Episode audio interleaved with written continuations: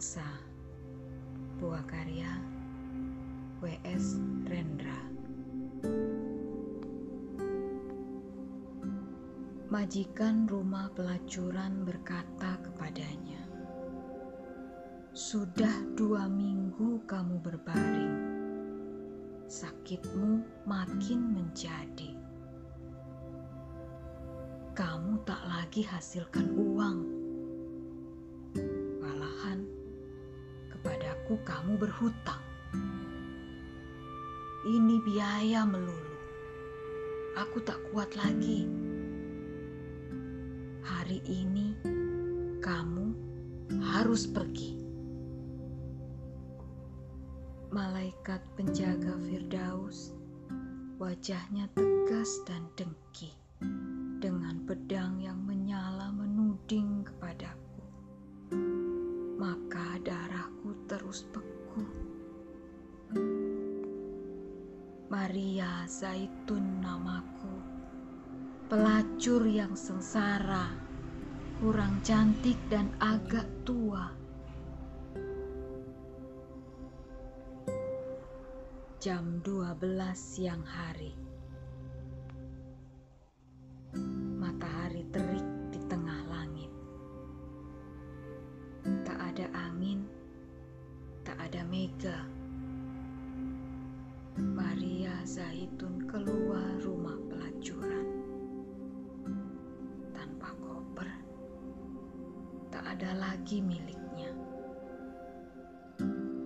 Teman-temannya membuang muka.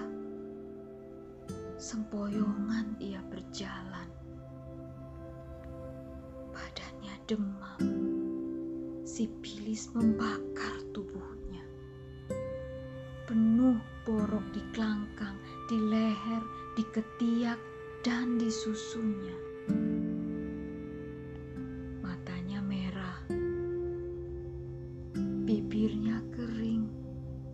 Gusinya berdarah. Sakit jantungnya kambuh pula. Ia pergi kepada dokter banyak pasien lebih dulu menunggu. Ia duduk di antara mereka.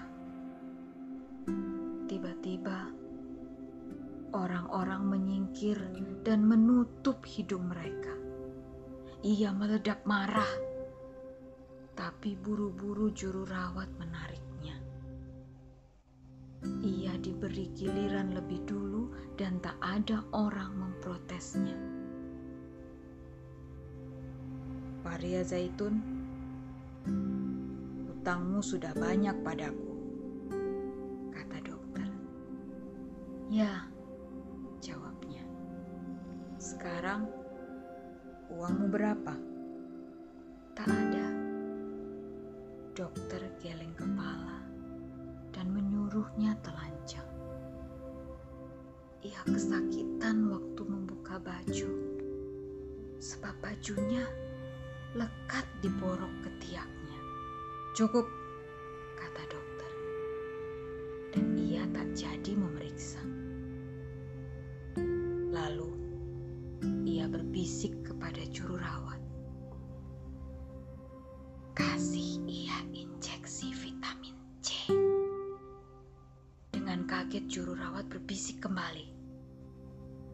Vitamin C.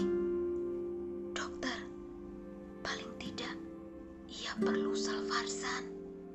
Untuk apa? Ia tak bisa bayar. Dan lagi, sudah jelas ia hampir mati. Kenapa mesti dikasih obat mahal yang diimpor dari luar negeri? Malaikat penjaga Firdaus wajahnya iri dan dengki.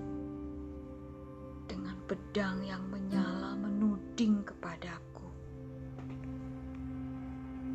Aku gemetar ketakutan. Hilang rasa, hilang pikirku. Maria Zaitun namaku, pelacur yang takut dan celaka.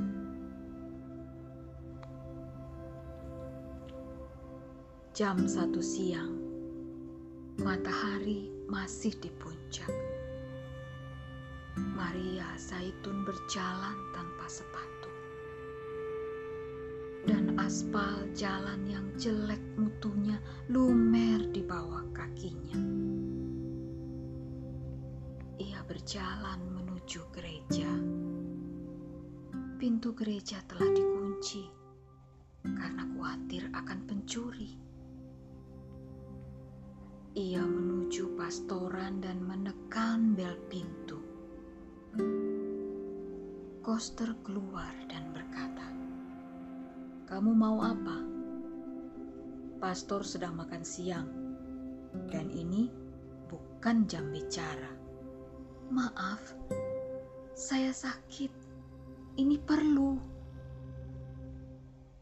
Koster meneliti tubuhnya yang kotor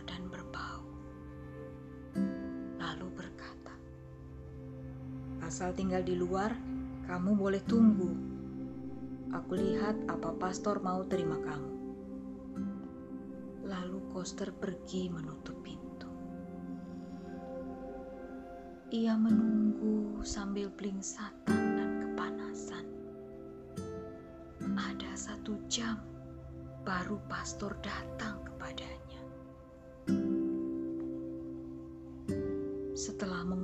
Sisa makanan dari giginya, ia nyalakan cerutu. Lalu bertanya, "Kamu perlu apa?" Bau anggur dari mulutnya. Selopnya dari kulit buaya. Maria Zaitun menjawabnya, "Mau mengaku dosa." Tapi ini bukan jam bicara. Ini waktu saya untuk berdoa. Saya mau mati. Kamu sakit? Ya, saya kena Raja Singa. Mendengar ini, pastor mundur dua tindak. Mukanya mungkret.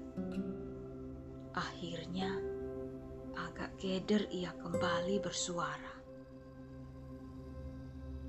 Apa kamu hmm, kupu-kupu malam?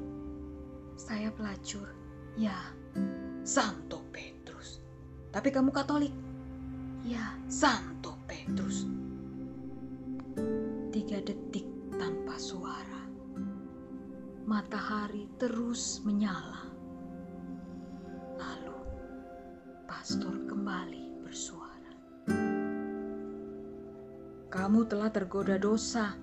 Tidak tergoda, tapi melulu berdosa kamu telah terbujuk setan. Tidak, saya terdesak kemiskinan dan gagal mencari kerja. Santo Petrus, Santo Petrus, Pater, dengarkan saya. Saya tak butuh tahu asal-usul dosa saya. Yang nyata hidup saya sudah gagal. Jiwa saya kalut dan saya mau mati. Sekarang saya takut sekali. Saya perlu Tuhan atau apa saja untuk menemani saya. Muka pastor menjadi merah padam. Ia menuding Maria Zaitun. Kamu galak seperti macan betina. Barangkali kamu akan gila. Tapi tak akan mati. Kamu tak perlu pastor. Kamu perlu dokter jiwa Malaikat penjaga Firdaus wajahnya sombong dan. Dengan pedang yang menyala menuding kepadaku. Aku lesu tak berdaya. Tak bisa nangis, tak bisa bersuara. Maria Zaitun namaku. Pelacur yang lapar dan dahaga.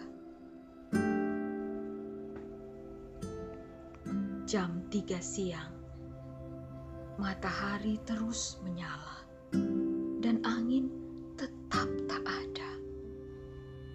Maria Zaitun bersijingkat di atas jalan yang terbakar. Tiba-tiba, ketika nyebrang jalan, ia kepleset kotoran anjing. Ia tak jatuh, tapi darah keluar dari borok di kelangkangnya dan meleleh ke kakinya. Seperti sapi tengah melahirkan, ia berjalan sambil mengangkang. Di dekat pasar, ia berhenti. Pandangannya berkunang-kunang, napasnya pendek-pendek. Ia merasa lapar. Orang-orang pergi menghindar. Lalu ia berjalan ke belakang satu restoran. Dari tong sampah, ia kumpulkan sisa makanan. Kemudian, ia bungkus hati-hati dengan daun pisang, lalu berjalan menuju keluar kota. Malaikat penjaga Firdaus wajahnya dingin dan dengki dengan pedang yang menyala menuding kepadaku. Yang mulia, dengarkanlah aku. Maria Zaitun namaku.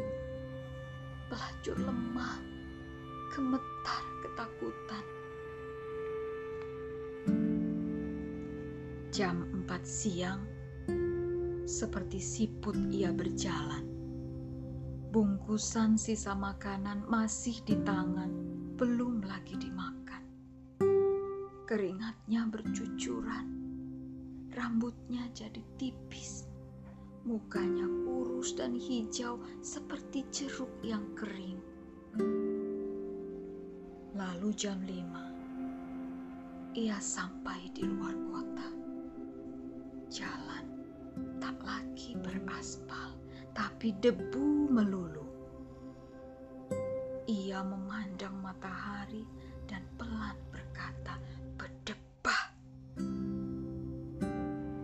Sesudah berjalan satu kilo lagi, ia tinggalkan jalan raya dan berbelok masuk sawah, berjalan di pematang. Malaikat penjaga Firdaus wajahnya tampan dan dengki. Dengan pedang yang menyala mengusirku pergi. Dengan rasa jijik, ia tusukkan pedangnya perkasa di antara kelangkangku. Dengarkan yang mulia, Maria Zaitun namaku. Pelacur yang kalah, pelacur terhina. Jam 6 sore, Maria Zaitun sampai ke kali. Angin bertiup, senja. Dengan lega, ia rebah di pinggir kali. Ia basuh kaki, tangan, dan mukanya. Lalu ia makan pelan-pelan. Baru sedikit ia berhenti. Badannya masih lemas, tapi nafsu makannya tak ada lagi. Lalu ia minum air kali. Malaikat penjaga Firdaus, tak kau rasakan bahwa senja telah tiba?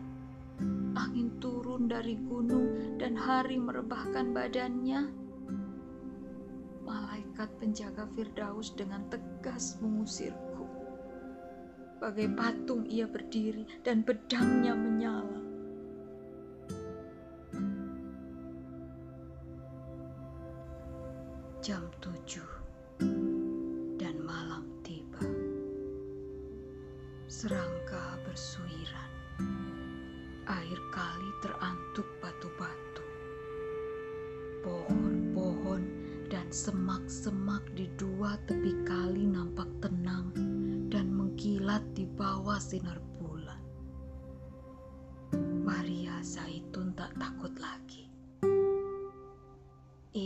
Ia teringat masa kanak-kanak dan remajanya.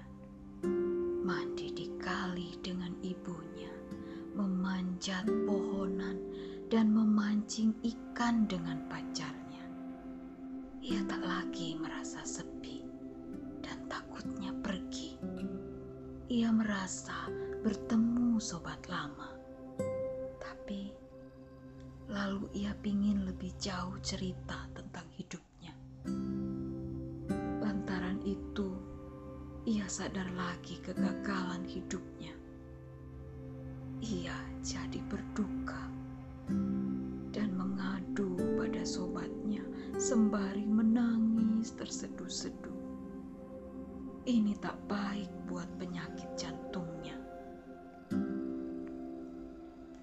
Malaikat penjaga Firdaus wajahnya dingin dan dengki. Ia tak mau mendengar jawabku. Ia tak mau melihat mataku. Sia-sia mencoba bicara padanya. Dengan angku ia berdiri dan pedangnya menyala.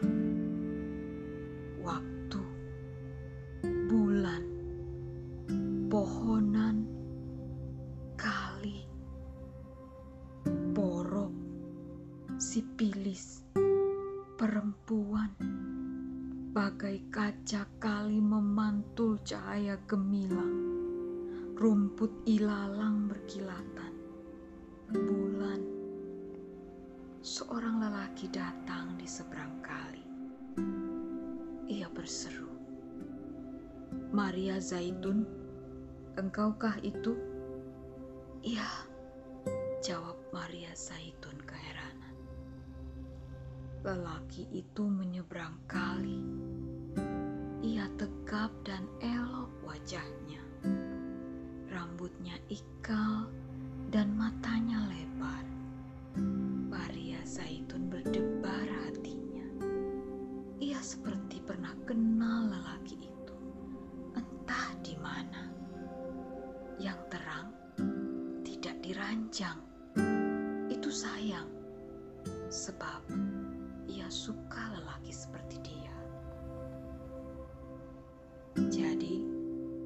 kita ketemu di sini, kata lelaki itu.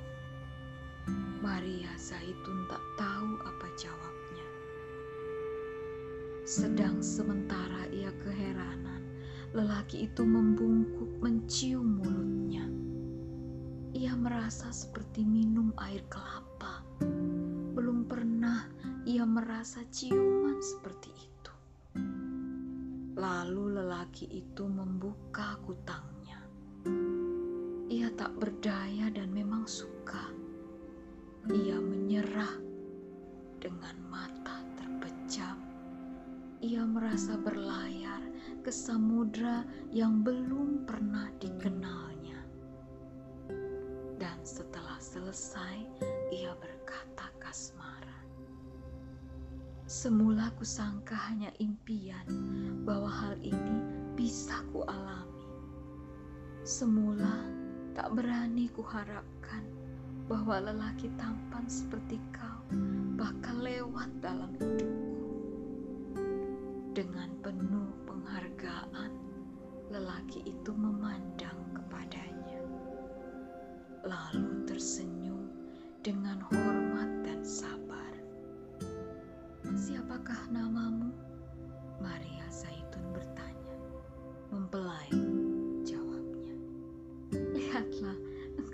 melucu.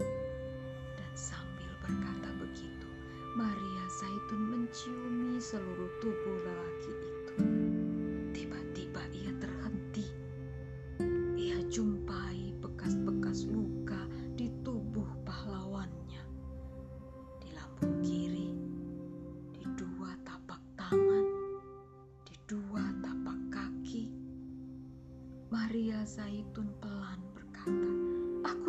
siapa kamu?